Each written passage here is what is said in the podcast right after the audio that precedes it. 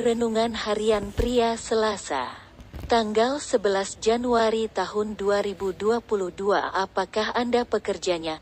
Matius 20 ayat 1 Adapun hal kerajaan sorga sama seperti seorang tuan rumah yang pagi-pagi benar keluar mencari pekerja-pekerja untuk kebun anggurnya. Dalam Matius 20 ayat 1 sampai 16 ini, Yesus menggambarkan tentang kerajaan sorga sama seperti seorang tuan rumah yang pagi-pagi keluar mencari pekerja-pekerja untuk kebun anggurnya. Ada baiknya kita baca Matius 20 ayat 1 sampai 16 itu lebih dulu supaya kita dapat mengerti dengan jelas kebenaran-kebenaran yang akan kita pelajari ini. Tuan rumah itu pergi jam 6 pagi menurut kebiasaan pada waktu itu dan ia mendapatkan pekerja-pekerja. Lalu ia keluar lagi jam 9. 12 dan jam 5 dan ia mendapatkan pekerja-pekerja untuk bekerja di kebun anggurnya.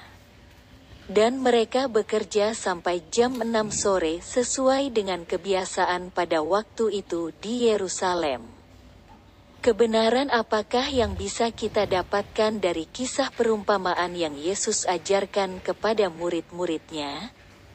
Bapa di sorga mempunyai kebun anggur, yang membutuhkan banyak pekerja untuk mengerjakan kebun anggurnya, yaitu pekerjaannya di bumi ini. Dan Bapa di sorga mencari orang-orang yang mau bekerja di ladangnya. Apakah Anda dan saya termasuk orang-orang yang dipilihnya untuk bekerja di ladangnya? Kalau ya, berarti Anda dan saya mendapatkan anugerah dari Tuhan untuk menjadi pekerja-pekerjanya. Jika belum, maka terimalah panggilan dan pilihannya untuk menjadi pekerja-pekerjanya.